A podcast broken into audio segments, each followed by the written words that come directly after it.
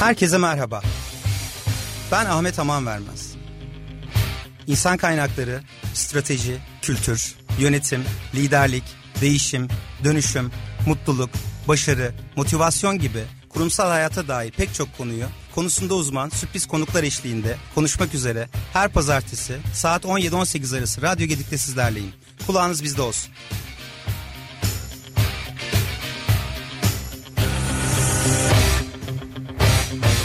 Kurumsal yönetim başlıyor.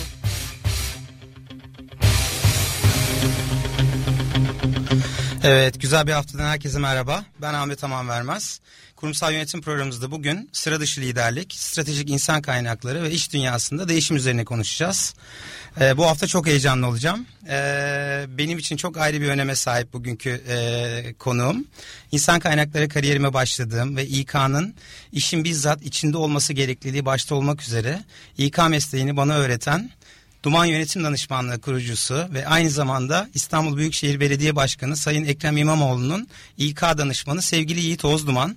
Yiğit Bey hoş geldiniz. Hoş bulduk Ahmet. Öyle anlattın ki yani yaşlıyız falan çıkacak ortaya. Yani öyle değil. Genciz biliyorsun yani gençliğimiz var. Ee, tabii ki siz her daim zaten genç kalan e, bir lider olarak e, çok teşekkür ederim davetimi kabul ettiğiniz için. Bu yoğun tempoda bana e, vakit ayırdığınız için e, aynı zamanda e, heyecanımı da şu an gördüğünüz gibi e, zapt etme konusunda ekstra bir çaba sarf edeceğim. Ya asıl sen kusura bakma ilk söz verdiğim tarihte gelemedim ama sebeplerimiz vardı. Evet. Bugün de e, seve seve koşarak geldim. Çok teşekkür ederim. E, eğitim hayatınızdan başlayarak biraz sizi tanımak istiyorum öncelikle.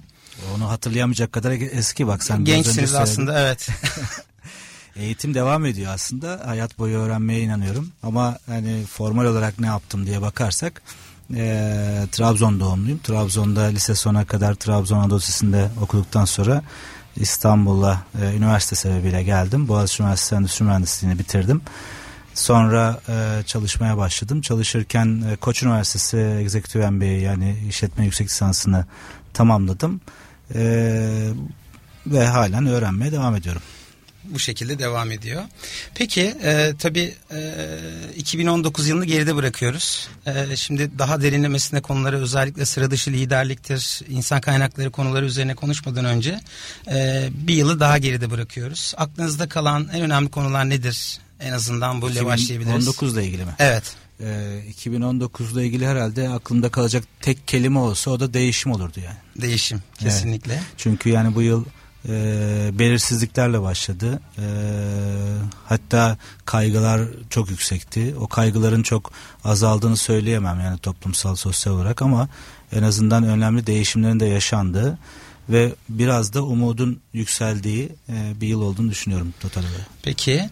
Eee Nasıl bir gelecek olacak iş dünyasında, reel sektörde? Bu değişim dediniz aslında en önemli konu değişim. Yani aslında dün de bir, bir firmayla e, bir, bu konuyu konuşuyordum. Hani e, değişim artık kaçınılmaz bir konu. Hani herkesin de söylediği sakız oldu hatta bir konu. Evet. Ama e, gerçekten de burada ben şöyle bir paradigma e, değişikliğine ihtiyaç olduğunu düşünüyorum.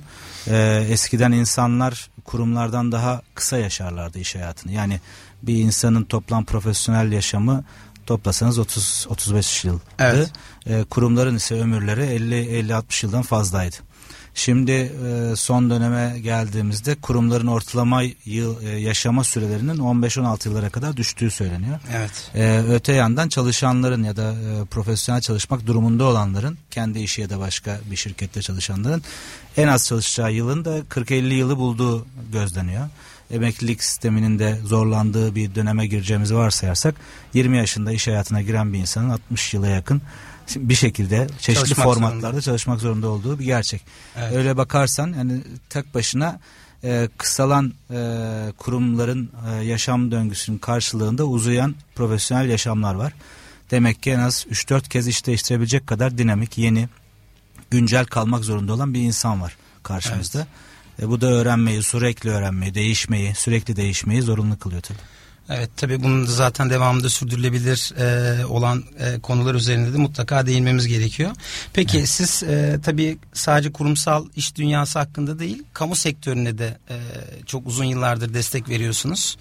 Ee, özellikle e, kamuda ve reel sektörde çalışanlar arasında e, ne gibi farklılıklar var? Bu değişimin e, getirdiği zorlukların farkında mı? Farkındalık seviyesi ne düzeyde çalışanlar boyutunda baktığımızda? Ben çok büyük bir değişiklik olduğunu düşünmüyorum. Daha doğrusu büyük farkın olduğunu düşünmüyorum. İnsanın olduğu her yerde zorluk varsa o kamuda da olsa özel sektörde de olsa aynı. Hı hı. Çünkü doğamıza aykırı değişim. Yani evet. değişiklik eğlenceli fakat değişim zor bir konu ve hı hı. değişmek için öncelikle neden sorusuna cevap bulmamız gerekiyor. Yani neden değişmemiz gerekiyor? Bir kere kendimizi evet. ikna edemediğimiz hiçbir yerde başkalarını değiştirmek ya da dönüştürme şansımız yok. İki, değişeceğim tamam ama değişebilmek için gerekli olan yetkinlikler bende var mı ya da nasıl kazanacağım? Bununla ilgili bir çaba harcamak zorundayım. Bu da bir zor bir konu. Üçüncüsü e, mutlaka mutlaka değişim için bir motivasyona ihtiyaç var. Yani değişirsem ne olacak ya da değişmezsem ne olacak? İkisi de bir motivasyon evet. aracı. Buna fırsat veya tehdit diyebiliriz. Dördüncüsü e, değişmek için mutlaka bir zamana ve e, kaynağa ihtiyacımız var. Yani zaman ya da para ya da başka bir kaynak ama günün sonunda çok hayal ettiğimiz şeyleri yapabilmek için de biraz kendimize ve çevremize de vakitler vermemiz gerekiyor gibi. Ee, en önemlisi de aslında bir plan yapmamız gerekiyor. Belki Türkiye'de eksik olan en önemli parça da burası. Bu formülün en önemli parçası da plansızlık. Yani yolda kervanı dizme hesabımız bizim çoğu zaman e, yeniden başlangıçlara, kötü başlangıçlara yol açıyor. O yüzden planlı, programlı ve gerçekten bilerek yola çıkmamız gerekiyor. Şimdi burada kamuyla özel arasında ne fark var dersen bence hiçbir fark yok. Çünkü e, ben Türkiye İnsan Yönetimi Derneği Peryon vesilesiyle de kamuda da e, rol almıştım diyebilirim. En azından kamuyla çalışma pratiği elde etmiştim. Son dönemdeki bu belediyecilik yaklaşımı da e, bu konuda bana birçok şey öğretiyor. Gösteriyor ki şu e, şu net insanlar her yerde insan ve değişmek için de hepsinin motivasyona, hepsinin amaca, hepsinin ortak bir gayeye ihtiyacı var. Ee, şöyle bir iddiada hatta yıllar önce kurmuştum. Onda hala e, o sabit fikrim koruyorum. Yani yaklaşık olarak İstanbul'da iki buçuk milyon beyaz yakalı çalışan var. O zamanlar devlette de yaklaşık iki buçuk milyon kamu çalışanı vardı. Ee, kamu çalışanlarını hani performans odaklı olmadıkları için biraz e, ağır çalışanlar olarak tarif eder insanlar. Özel sektörü de böyle hani çok dinamik olarak tarif ederler bu çalışanları. E, şu iddiam e, hala geçerli bence. Alalım iki buçuk milyon özel sektör çalışanını koyalım kamuya. Evet. Keza koyalım e, kamudaki çalışanları özel sektöre. Ne özel sektörün performansı veya dinamizmi azalır ne de kamunun e, ağırlığı e, azalır ve hızlanır kamu. Neden? Çünkü aslında konu insandan daha çok insanın içinde bulunduğu e, performans algısı veya kurgusu.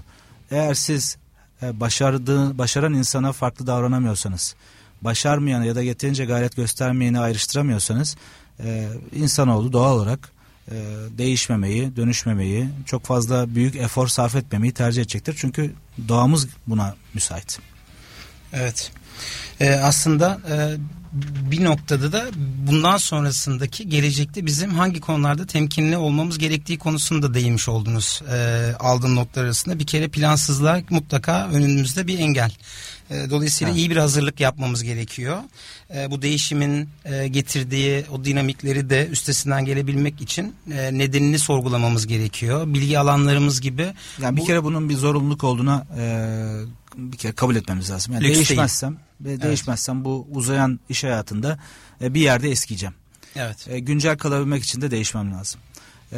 Değişebilmek için de mutlaka ne yapacağımı bilmem veya hayal edebilmem ve bu hayal içinde bir plan kuruyor olmam lazım. Yani e, birçok arkadaş geliyor işte ya ben şunu yapmak istiyorum bunu yapmak istiyorum. Peki diyorum bunun için gerekli ve yeter şartlara haiz misin?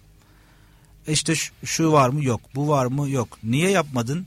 İşte o oldu, bu oldu, şu oldu. Peki bu bunlar yokken o değişip değişmek ve gitmek istediğin yere gitme ihtimalinin olmadığını farkında mısın? Yani bu gerçekle çok fazla yüzleşmeyi beceremiyoruz galiba. O yüzden de o çabayı harcamadan e, değişmek imkansız. E, bedava yemek yok yani ekonomistlerin evet. de söylediği gibi. Evet kesinlikle. Peki e, böyle baktığımızda e, bir lider olarak siz birçok kamuda ve e, reel sektörde e, kalabalık popülasyonlarda yol gösterici olmaya gayret gösteriyorsunuz. Estağfurullah. Ee, çalışandan ne bekliyorsunuz bunların dışında? Dediğiniz gibi farkındalık olması gerekiyor. Bilgi alanlarının, ilgi alanlarının sürekli güncel olması gerekiyor. Ee, eski e, bugünün e, sorunları dünün çözümleri aslında. E, çok evet. eskide kalan özelliklerinin artık e, yeni geleceğe taşıması anlamında da e, sürekli kendilerini geliştirmesi gerektiğini söylüyorsunuz. Evet, evet. Yani şimdi e, bir kere dünkü doğru bugünkü doğru olmuyor. Evet. Birincisi o. Güncel kalmak zorunda herkes ve e, dün başar, başardığı şeyle de yetinmemesi gerekiyor. Çünkü o başardığı şey de dün yeterliydi. Bugün yeterli değil. E, o yüzden de e, bana kalırsa hani liderlik rolü üstlenmeye gayret eden insanlar için de bu geçerli. Aslında pek de artık rol olarak da tanımlamak zor yanlış olabilir liderliği herkesin sorumluluğu. Ama diyelim ki yöneticilik sorumluluğunuz var. E, burada en akıllı yöneticiler sanıyorum e, bu değişimi tetikleyen ve bunu sürekli sorgulayan insanlar. Neden? Çünkü o zaman takımları güncel kalabilecekler. O zaman o takımlar başarılı olacak. O başarılı takımların e, lideri olarak da onlar da bundan e, büyük oranda fayda sağlayacaklar. E, iyi ile çalışmaya gayret etmek zorundalar. En iyi ile çalışmak zorundalar. E, ortalama bir performansla bugünün dünyasında e, sıra dışı bir sonuç üretmeniz mümkün değil.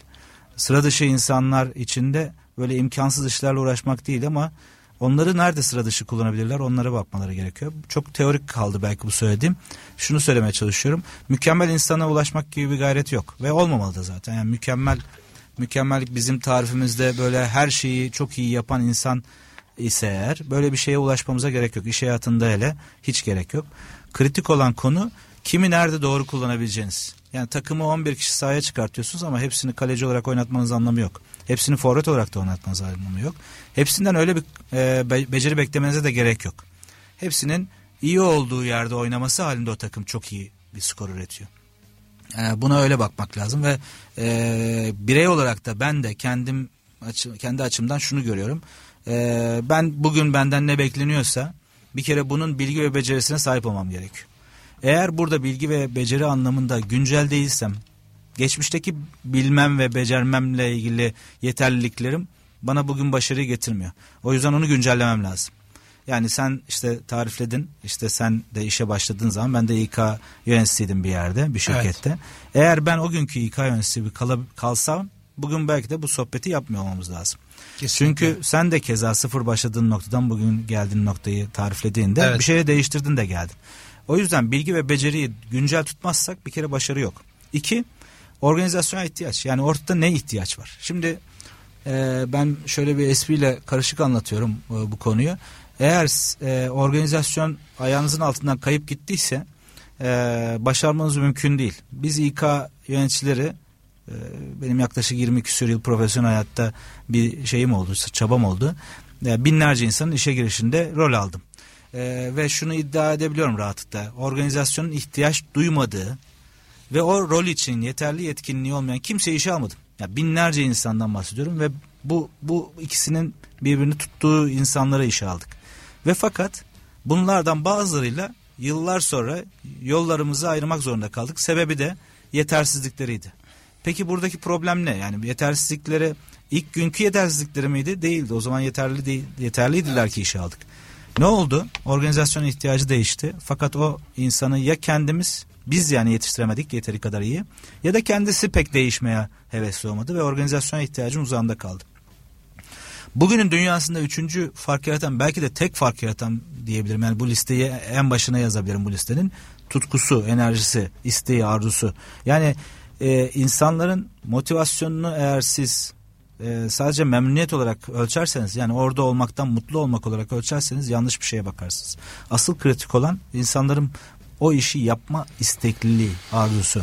Tutku, organizasyona ihtiyaç ve bilgi beceriyi buluşturduğunuz yerde ciddi bir başarı var. Sıra dışı bir başarı var. Ee, bunlardan herhangi bir ikisi var. Yani herhangi bir ikisi var ve diğeri yoksa istediğiniz kadar uğraşın orada bir başarı yok.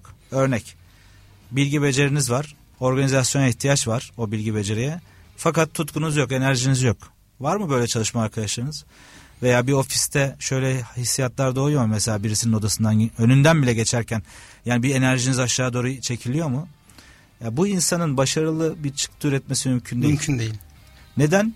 Çünkü hani mutsuz artık yani tutkusu azalmış yok olmuş organizasyondan o yetkinlikleri bekliyor kendisi o yetkinliklerde çok iyi fakat yapası yok ben bunlara esirler diyorum organizasyon içindeki esirler. Ee, ve bir an evvel zaman bitse de geri dönsem. Evet. Diğer ikilileri de çek edersen e, o ikililerde de başarı yok. Yani yetkin, tutkulu fakat organizasyona ihtiyaç yok. Hobisini yapan insanlar gibi yani o insanlara da kimsenin ihtiyacı yok. Veya organizasyona ihtiyaç var. E, tutkulu fakat bilgi ve becerisi eksik. Yani o insanın da o anda başarması mümkün değil. Ancak onu eğitmen lazım ki o organizasyon ihtiyaçla buluşturman lazım ki yetkinliğini başarı elde edesin. Ya aslında liderliğin formülünü yapmış oldun. Birkaç Sıra tane formül verdim. Evet, evet, evet, evet. Ben bunu e, yakaladım gibi. Evet. E, umarım dinleyicilerimiz de notlarını almıştır. Peki e, hazır güzel bir geçiş oldu liderliğe de. Evet. E, özellikle organizasyon ihtiyaçlarını mutlaka karşılayabilen e, kişilerle bir arada olmamız tabii, gerekiyor. Tabii. Bu en, önemli koşullardan bir tanesi. Evet. Duygularımızı, coşkumuzu, e, heyecanımızı şu anki bende olduğu gibi onu mutlaka e, işimize yansıtmamız gerekiyor. E, bir de işte yetkinlik diyebileceğimiz bilgi beceri dediniz. Bununla birlikte deneyimse evet. bunların toplamının müthiş bir üçlüyü oluşturması gerekiyor. Tabii şimdi ben e, e kendi hayatımdan biliyorum. Zaten size de onu öneririm. Yani dinleyenlere de onu öneriyorum. Alın kağıt kalem elinize e, hayatınızda unutamadığınız en büyük başarınızı bir yazın. Ve onun olması anında elinizde olan kaynaklara bir bakın. Bu bahsettiğim üçü haricinde hiçbir şey yoktu. Bu üçü vardı. Evet. Biliyordunuz ya da bilen bir takımdınız. Sadece tek başınıza yapmış olmak zorunda değilsiniz bu başarıyı. E, organizasyonel yani orada öyle bir ihtiyaç vardı. Bu ihtiyacı karşılıyordunuz. Bu organizasyon ihtiyaçtan kastımız belki ailenin ihtiyacı, belki şirketin ihtiyacı, belki sizin ihtiyacınız özetle. Ve üçüncüsü de gerçekten ortada bir tutku vardı, enerji vardı, istek vardı, arzu vardı. Bu üçünün buluştuğu yerde sıra dışı bir başarı var. Onun haricinde başarı yok. Ve ben bunu kendi adıma 20 yıllık iş hayatımdan sonra danışmanlık işine girer, girerken test ettim. Daha doğrusu neyi anlatayım diye düşündüm. Danışman olunca ne yapacağım, neyi satacağım yani. E dedim ki yani bulunduğun gruplara bak, yaptığın işlere bak. Ya bir şekilde bir başarının içerisinde yer almışsın. Demek ki bu başarıyla ilgili bir şey öğrenmiş olabilirsin başarıyı anlat insanlara dedim. Ve başarıyı anlat dediğimde e, nasıl anlatacağım diye sorduğumda kendi kendime başladım bu başarıyı e, getiren unsurları tek tek sıralamaya. Sonra bu üçünü de karar kıldım. Şahane. Aslında sıra dışı bir liderlik anlamında. Bu da sizin yaklaşım farklılıklarınız ve özellikle 20 yılın üzerinde toplam deneyiminizi her alanda hem hizmet sektöründe hem üretim sektöründe çok ciddi üst düzey yöneticilik yaptınız. Evet. Bunların birikimi de artık e, karşı tarafa aktarma dönemi olarak da düşünebiliriz. İyi bir gözlem de olabilir. Evet. E, peki şimdi tabii aslında böyle baktığımızda çalışan boyutunda kesinlikle e, olması gereken en önemli üç tane koşula hazır olmaları gerektiğini söylüyorsunuz. Başka türlü değişim olmaz, başka türlü geleceğe bir dönüşüm olmaz. E, peki bu bu kadar e, kolay mı ya da bu kadar basit bir dilde mi? Şimdi insanlar özellikle çalışanlar hata yapmaktan korkuyor e, cesaretlerine, e, korkulara rağmen aksiyon alma konularında kötü örnekleri var. Hı hı. E, bununla birlikte e, kendini yönetememe, geliştirememe gibi o zaman e, o dönemde e, kendini geliştirme ile ilgili bilgiyi alma konusu da bu kadar e, kolay değildi. Hı hı. Bir yerlere varmaya çalışıyorum şu an. Evet. E, bununla ilgili peki e, zorluklar nedir? Hani bu üçüne odaklanmaları konusunda e, neleri alt başlıklar ne olmalı çalışan boyutunda? Anladım. Ya bir kere bilgi beceri. Şimdi bilginin e, olduğu yer yetmiyor insan. Yani çok bilgili fakat yapamayan birçok insanda karşı karşıya kalabiliyoruz. Değil evet. Mi? Tabii yani ki. E, işte Ahmet diyorlar bu konunun uzmanıdır. Bilgi bilgi profesördür bu işin diyorlar. Evet. Ve fakat hadi yap dediğin zaman Ahmet şöyle e, ara, aralar falan bulmaya çalışıyor, kaybolmaya evet. çalışıyor ortaktan. Çünkü yapacak yerleri arıyor. Şimdi bunu yapamamasının sebebi Ahmet'in e, yetersizliğinden daha çok Ahmet'in bunu deneyimlememiş olması. E, çünkü bilginin beceriye dönüşebilmesi için tek sorumluluk aslında bunu deneyimleme çabası. E, hatta insan kaynaklarcılar neden özgeçmişe ihtiyaç duyarlar? Özgeçmişlerde deneyimler yazar çünkü. Hani en önemli başlıklardan bir tanesi de odur. Bir bilgi bölümü vardır. Ne okudum, ne öğrendim. O bilgiler görürsün CV'de, özgeçmişte. Bir de deneyimler kısmı vardır. Deneyimler de bize aslında şunu ispat eder. Bu bilgiyi beceriye dönüştürmüştür Ahmet bu konularda diye. Varsayarız. Onu tabii ki mülakatlarda çek etmeye gayret ederiz. Dolayısıyla bilgiyi beceriye dönüştürmek için denemek zorundasınız. Denemeden ya da denemekten korkarak, hata yapmaktan korkarak bilginin beceriye dönüşme ihtimalini yok ediyorsunuz. Ee, bu tabii ki kolay bir şey mi? Belki değil yani organizasyonlar içerisinde hata yapanların çok da hakkı olmayabiliyor. Yeni bir hata fırsatı veremeyebiliyor organizasyonlar. Ve fakat öğrenmek için başka bir yol yok. Yani beceri kazanmak için yok. Evet, ve yöneticiler için, liderler, organizasyondaki yöneticiler için en büyük sorumluluk belki de ekiplerine hata yapma lüksü verebilmeleri. Ve o hataları e, birazcık göz ardı edebilmeleri. Birinci, ikinci, üçüncü hatalarına belki fırsat verebilmeleri insanlara. Çünkü hata yapmak bir şey denemeyi, denemeyi gerektirir. E, denemeden hata yapan da olmaz zaten. İş yapan Ee, hata yapar. Evet yani dolayısıyla bilgiyi beceriye dönüştürmek birinci sorumluluk. İkincisi e, organizasyon ihtiyaçla buluşmak. Yani şimdi benim çok e, mezun olurken hatırlıyorum bir şimdi yazılımcı arkadaşlar bilirler.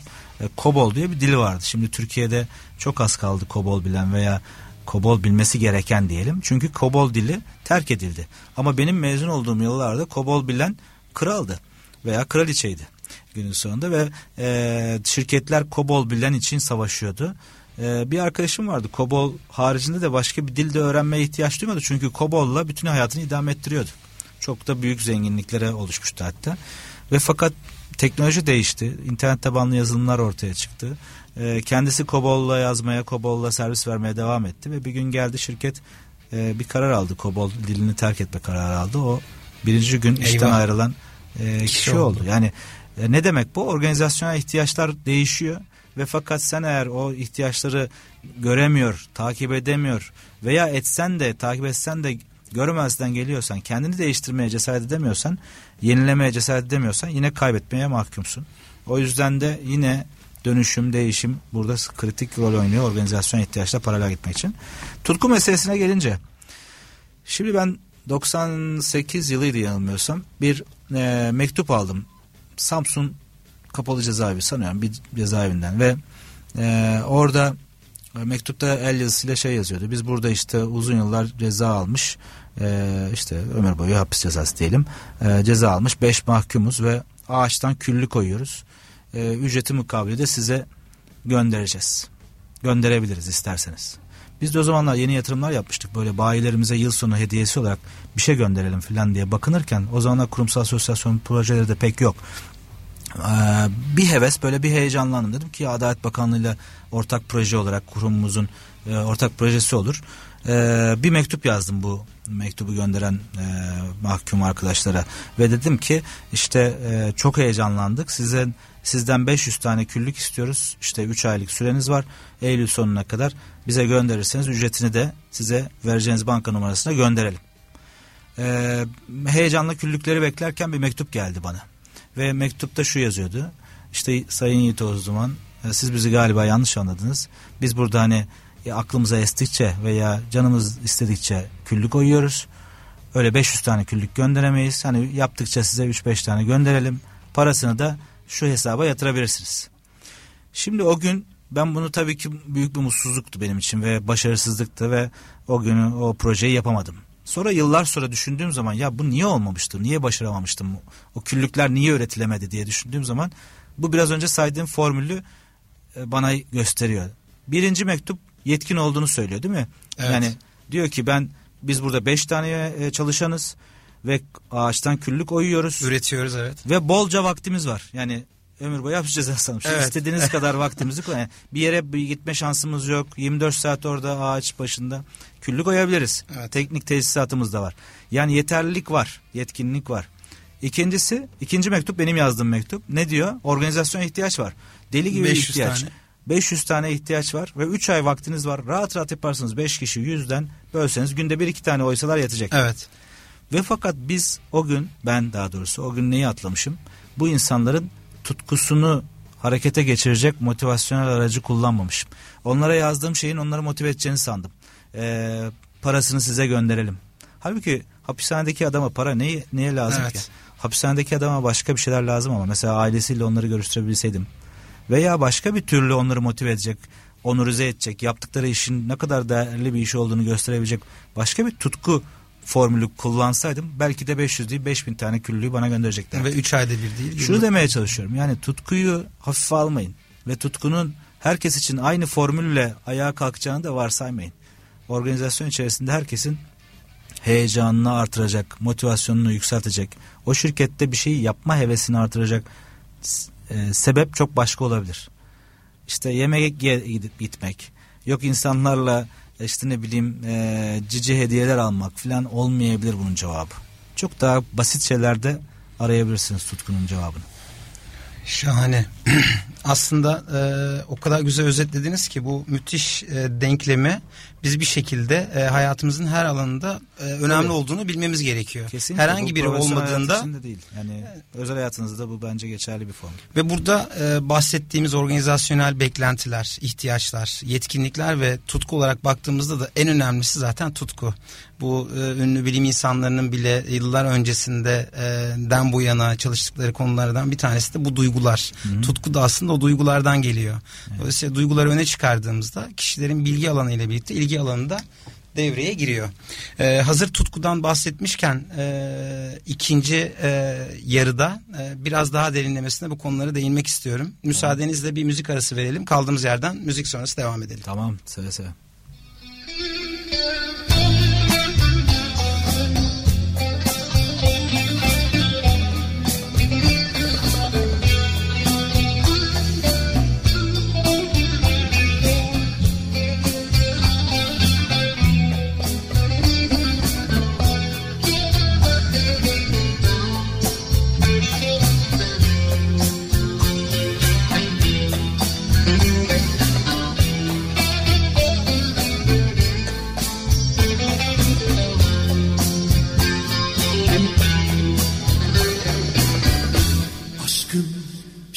broom down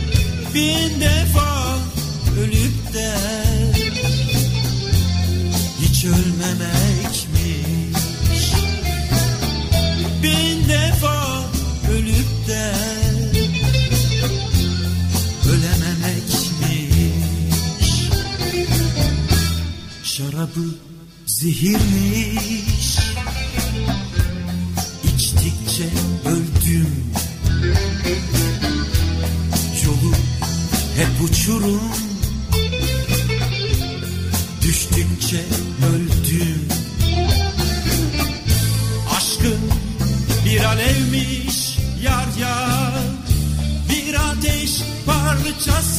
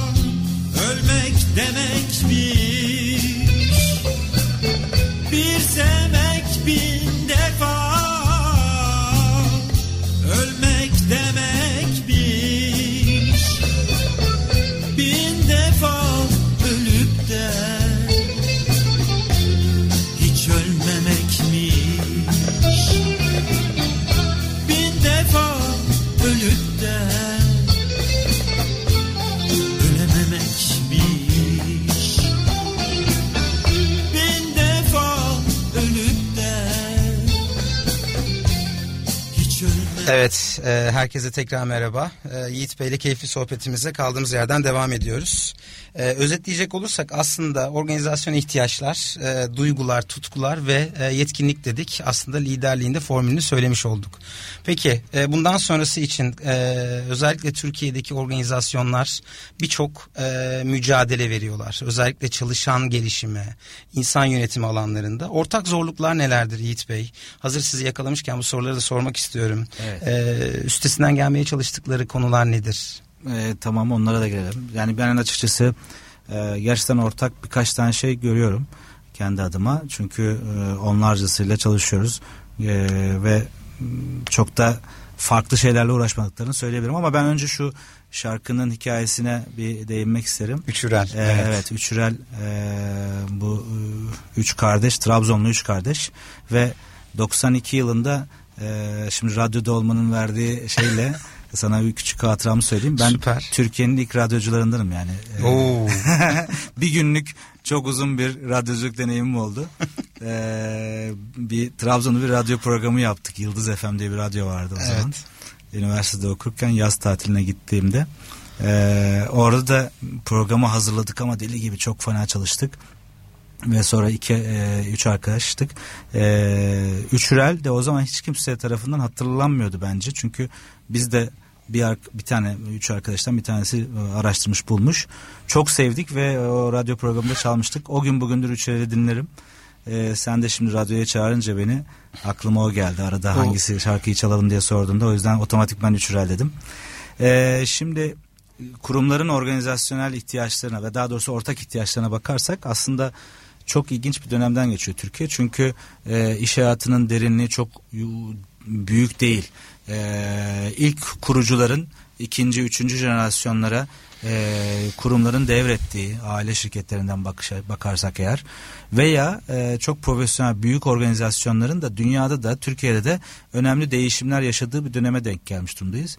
Özellikle aile şirketlerine e, dönersek burada jenerasyon değişimleri e, çok ciddi bir know-how kaybı e, ile karşı karşıya bırakıyor organizasyonu. Çünkü genelde kurucular ikinci jenerasyona yeteri kadar e, öğrenme ve deneyimleme fırsatı vermiş değiller. Hani biz profesyonel çalışanlar için söyledik ya bilgiyi beceriye Evet. dönüştürmek için deneyimleme imkanı vermeleri lazım.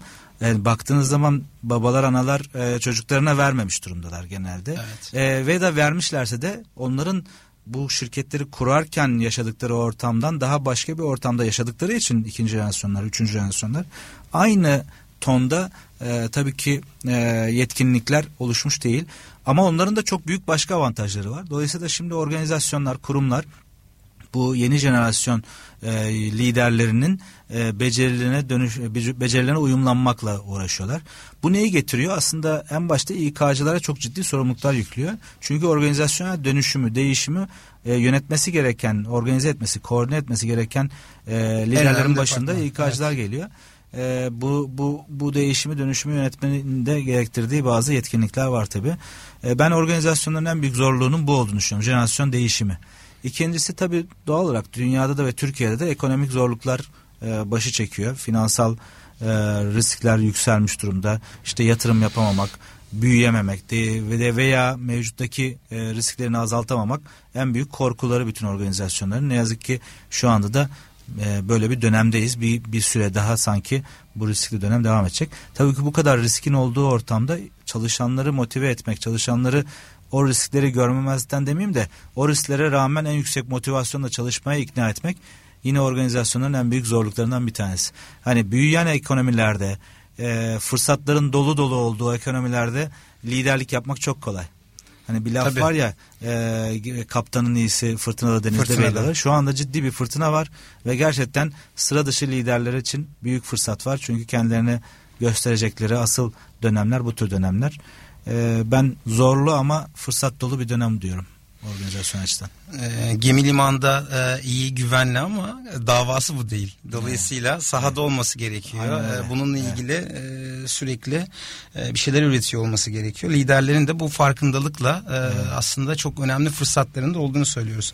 Peki e, güzel de dediniz aslında organizasyonların ortak e, zorlukları, jenerasyonlar, yaklaşım farklılıkları, bununla ilgili birbirini anlama zaten en önemli problem iletişim diyoruz. Karşı tarafa mesajınız geçmiyor. Evet. Sizin amacınız ne? Karşı tarafa faydası ne? Bu denklem olmadığı sürece biz olayları sürekli karmaşık hale dönüştürüyoruz. Hep kafada varsayımlarda bulunuyoruz. Halbuki direkt Evet. kafada kurgulayacağımıza sormamız gerekiyor. Acaba ne dedin? Ne demek istedin? Benden tam olarak ne istiyorsun şeklinde. Evet. Bunları da yıllarca sizinle deneyimlediğim için ben de e, sizin jargonunuzdan konuşuyor gibi oluyorum ama. Evet.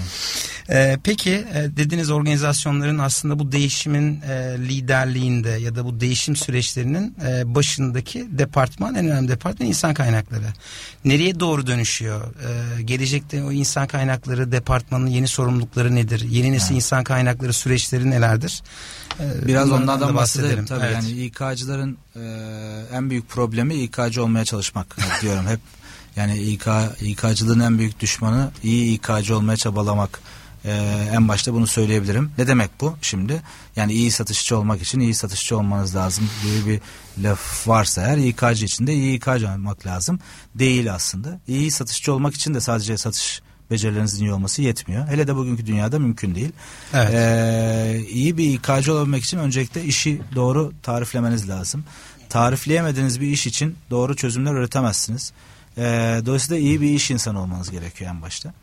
Ee, iş insanlığı, iyi bir iş an- insanlığı ne de, neyi gerektirir? Evet ciddi bir iletişim becerisi gerektirir. Ama bugünün dünyasında ciddi bir finansal okuryazarlığı da şart koşuyor. Ee, değişim liderliğini zorunlu kılıyor. Sonuç odaklılığı zorunlu kılıyor. Ee, bir de bilgi ve beceri olarak da donanmış olmanızı gerektiriyor. Şimdi İK'ya bakarsak da e, yeni bu mevcut dönemde bu beş tane ana yetkinlik grubuna sahip İK profesyoneli ne yazık ki sı- sınırlı sayıda. E, böyle olunca da organizasyonlarda İK'nın etkinliği de limitleniyor. İnanç da İK'ya olan inanç da zayıflıyor. Sonra da e, İK'cılar neden vitrinde kalmış aslında çok da fazla işin içine girmemiş diye de hayıflanıyor İK'cıların kendileri. Evet. Ee, ki niye bizi oyun almıyor genel müdürler diye hayıflanıyor. E, kim alır oyuna yani eksik yedik e, yetkinliklerle kim hangi oyuncu alır? Ancak torpiliniz varsa babası babanız ya da anneniz iş sahibi ise sizi oyuna alırlar ama Evet. profesyonel olarak sizi oyuna alabilmelerinin tek yolu var. Onların dilinden çalışıyor olmanız lazım. Yani genel müdür neyle uyuyamıyorsa gece sen de onunla uyuyamıyorsan e, sabah seni arar. Yoksa sen horol horol uyurken o uykusuz kalıyorsa başka bir sebepten dolayı ve sen aynı noktada değilsen ve sabah gidip de adamcağızın veya e, yani çok da şey oldu şimdi e, cinsiyet ayrımcılığı oldu.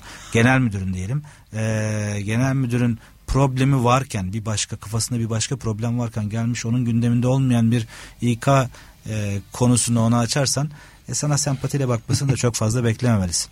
Ve önce o işi doğru anlamış bir insan kaynakları yöneticisi veya çalışan olman lazım. İkincisi anlamanın ötesinde buna bir çözüm üretecek kadar da yetkin olman lazım. Ee, İK'nın yeni gelecekteki en önemli üç tane oda e, connectivity'yi artırmak bir kere. Bağlılığı artırmak. Yani bağ, bağlılıktan kastım sadece çalışanların bağlılığı değil. Bugün artık organizasyonlar sadece bordrolarındaki insanlarla çalışmıyorlar. Hatta ileride bordrosunda olmayan insanlarla daha fazla çalışıyor olacaklar. Yani Evet. esneklik her yerde esneklik. Platform her yerde platform.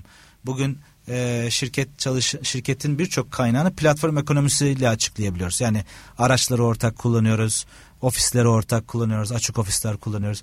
E, insan kaynağını nasıl e, kullanmayacağız ki? İnsan kaynağı da artık açık kaynak haline gelecek. Ne demek bu? Yarın bir şirket e, Yiğit'i yarım zamanlı istihdam ettiği gibi başka bir şirket de onu istihdam edecek ve Yiğit iki tane, üç tane, dört tane şirkete çalışıyor olacak. Ve İK'cı olarak sen böyle yarım, çeyrek, beşte bir kullandığın bir İK'yı, insan kaynağını yönetmekle, onun performansını ölçmekle, onun doğru şekilde istihdam edilebildiğini emin olmakla, onun performansı doğrusunda doğru ödüllendirildiğine emin olmakla uğraşacaksın. Öyle dükkanda tam zamanlı duran çalışanın performansını ölçmek çok kolay. Beşte bir zamanını sana ayırmış olan evinden doğru çalışan veya herhangi bir başka bir şirkette olup sana hizmet veren birisinin performansını ölç bakalım. Evet. Dolayısıyla İK bunlara doğru evrilmek zorunda. Sadece mevcuttaki odasındaki çalışanın perform- konnektivitesiyle bağlılığıyla uğraşmayacak. etrafta olmayan hatta suratını hiç görmediği bir çalışanın bağlılığıyla uğraşacak. Bir. iki çalışan olmuş ayrılmış ondan kendisine emekli olmuş ya da ayrılmış insanların da bağlılığıyla uğraşacak. Çünkü bugün mü, ekonomi de bunu gerektiriyor. Müşteriniz onlar bir yandan da çalışanınızın olmanın ötesinde. Kesinlikle. Müşteriniz. Üç, sadece çalışmış ayrılmış ya da mevcutta çalışanlar değil olası çalışanlarıyla uğraşması lazım. Yani onu biraz çalışmış durumda Türkiye'deki İK'cılar. Yani aday üniversitelere gidiyor. işte marka, çalışan markası, işveren markası e, konumlamalarıyla bunu birazcık da pratik etmiş durumdayız. Dolayısıyla bu üç tane kaynağın bağlılığıyla uğraşmak zorunda. Bir. iki sadece konnektivite yetmez.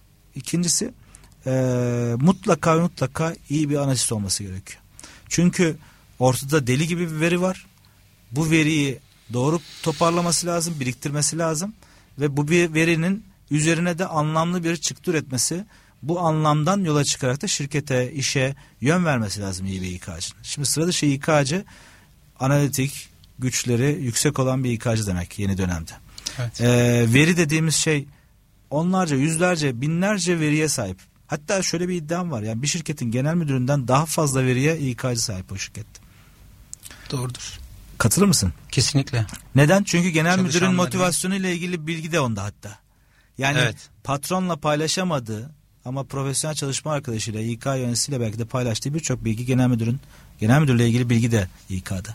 Genel müdürün bilmediği birçok data da İK'da. Geçmiş performans not- notları, gelecek potansiyel değerlendirmeleri, mevcut performansları, organizasyondaki insanların kendi aralarındaki ilişkilerle ilgili data. Demografik bilgilerden bahsetmiyorum bile. İşin hikayesinden bahsediyorum. Dolayısıyla İK bu kadar veriye hakimken, bu kadar veriyi süzüp bundan bir gelecek tasarımı yapamıyorsa iyi bir İK değildir demektir. Üç, veriye sahipsin. Bütün konnektiviteyi sağlamışsın. Üç, bu etkiyi şirketin e, çıktılarıyla entegre etmen lazım. Ne demek? Bunlar ne işe yarayacak? Yani ben eğer e, şirketin genel müdürüne gelip işte her yıl çalışan memnuniyetini ölçmemiz lazım. Niye? Çünkü yan dükkanda da ölçüyorlar biz de ölçelim karşılaştıralım diyorsam cılız bir hikaye demektir. İşmiş gibi davranmak. Ama eğer şunu söylüyorsam genel müdüre bakın istatistikler şunu gösteriyor. Çalışan bağlılığındaki her yüzde bir artış net karın büyümesinde şu kadar etki ediyor. Bizim pratiğimizde de son 5 yıldır ölçüyoruz biz bağlılığı. Son 5 yıldır karlılıkla entegre ettim. Bakın şöyle bir trend var. Demek ki biz bu bağlılık üzerine yatırım yapmamız lazım. Bunu da ölçerek ancak yatırıma dönüştürebiliriz. Diyorsam o zaman genel müdür beni dinlemeye başlar. Etkimi gösteriyorum demektir. Ee, özetle yani etkiyi anlatan, analitik bir İK, üstüne de çalışan bağlılığını dert etmiş bir İK olursanız sıra dışı bir İK olursunuz. Peki liderlerin insan kaynakları e, yöneticilerine bakış açısı nasıl? Eskiden bu yana hep sahadasınız. Onlarca e, hizmet ve üretim sektörü anlamında. Bahsettiğiniz konular tabii ki bir e, iş Böyle çalışırsan süper yani. Böyle şu bahsettiğim üçlüyü sağladığını gösterdiğin genel müdür seni sevmeyecek de kim sevecek? Tabii Yani ki şimdi- aslında çok güzel şeyler Yani söylüyorsunuz da işte. yani bunları yapabilirsen e, sevilir bir çalışan olursun. Bu sadece İK için geçerli değil. Şimdi bir genel müdür finansçısını neden yanından ayırmaz? Çünkü şirketin bütün e, finansallarıyla ilgili ona soru sorabilir, ondan da cevap alabilir. E, neden satışçısını yanından ayırmaz? Geliri artıracak olan kişidir onun gözünde bu. E, İK ne işe yaradığını ispat edemediyse genel müdüre, genel müdür onu niye yanında taşısın? E, niye onunla vakit harcasın? Öbür konulara daha fazla vakit harcar. De onu demeye çalışıyorum. Yani etkini gösterdiğin an ben genel müdür olsam en fazla seninle vakit geçiririm. Çünkü sen benim geleceğimle uğraşıyorsun.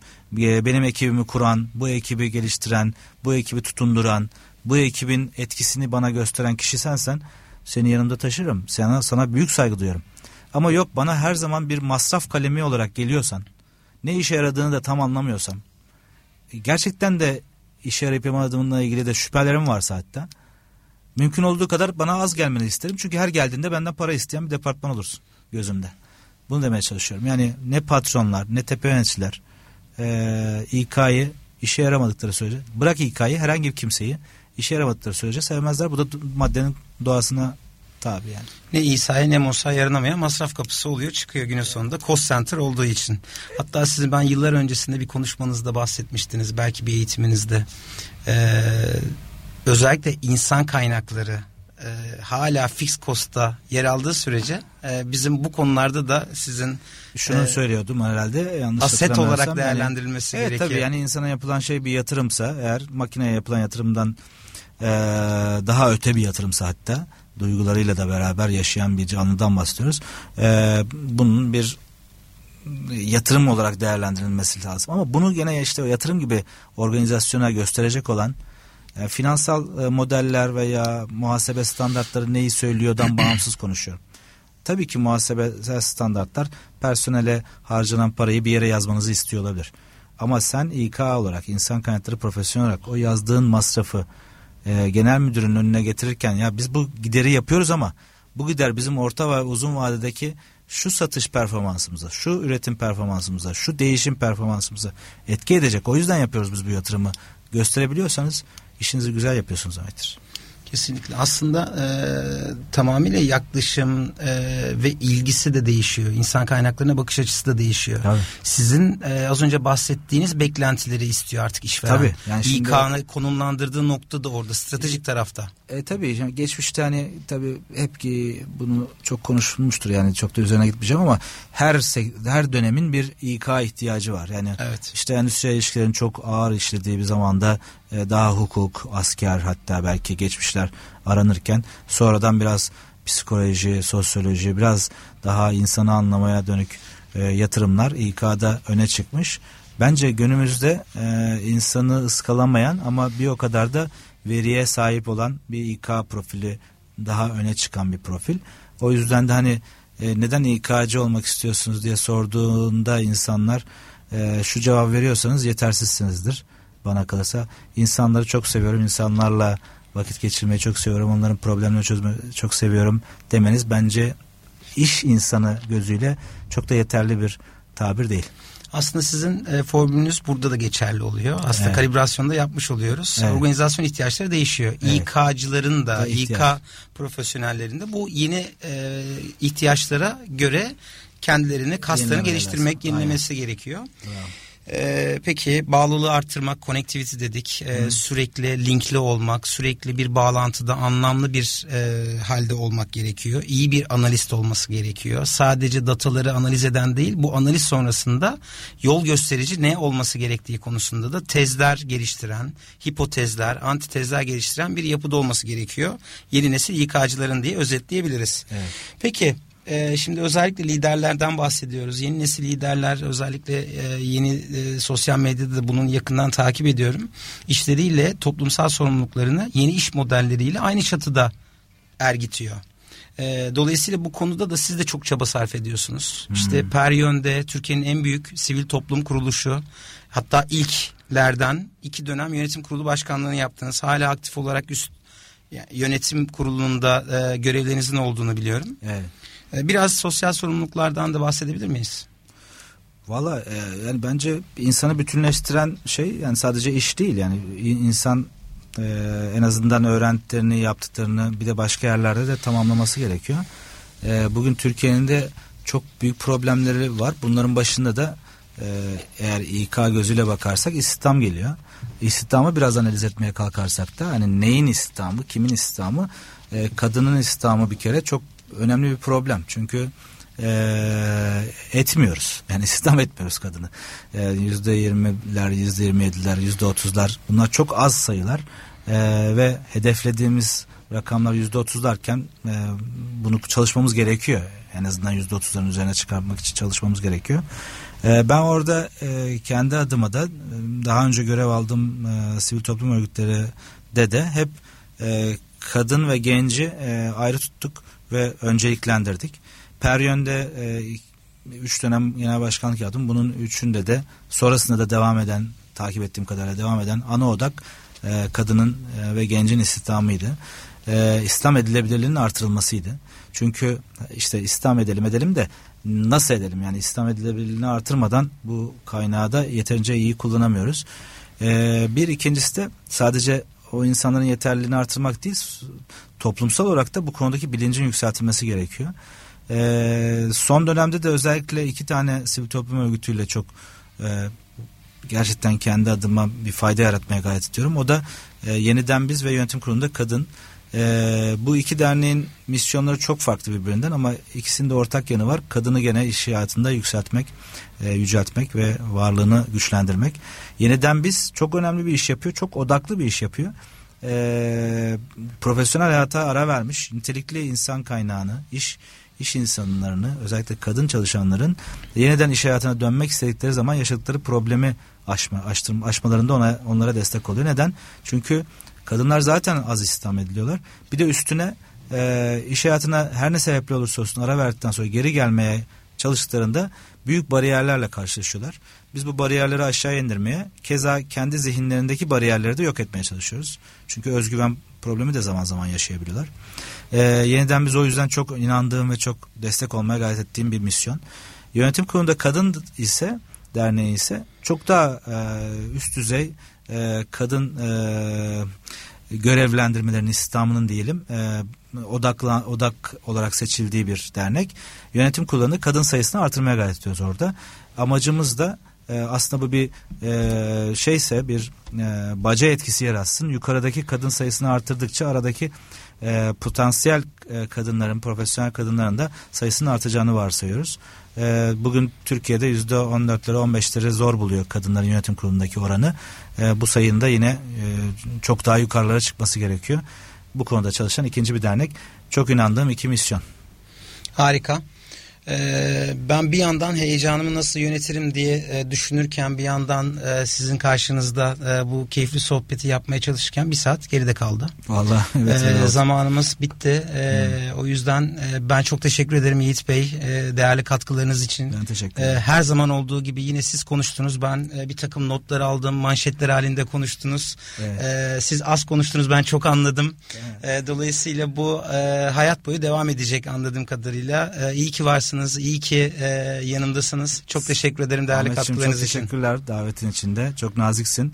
Biraz fazla konuşmuş olabilirim ama e, keyif aldığım bir konuydu. O yüzden kesinlikle e, dinleyicilerden bir özür dileyelim o Yo, zaman. hiç hiç özür dileyecek bir durum yok. Bence onlar da keyifle dinlemişlerdir. Çok, teşekkür, çok teşekkür ederim. Haftaya görüşmek üzere. Hoşçakalın. İyi, iyi günler sağ olun.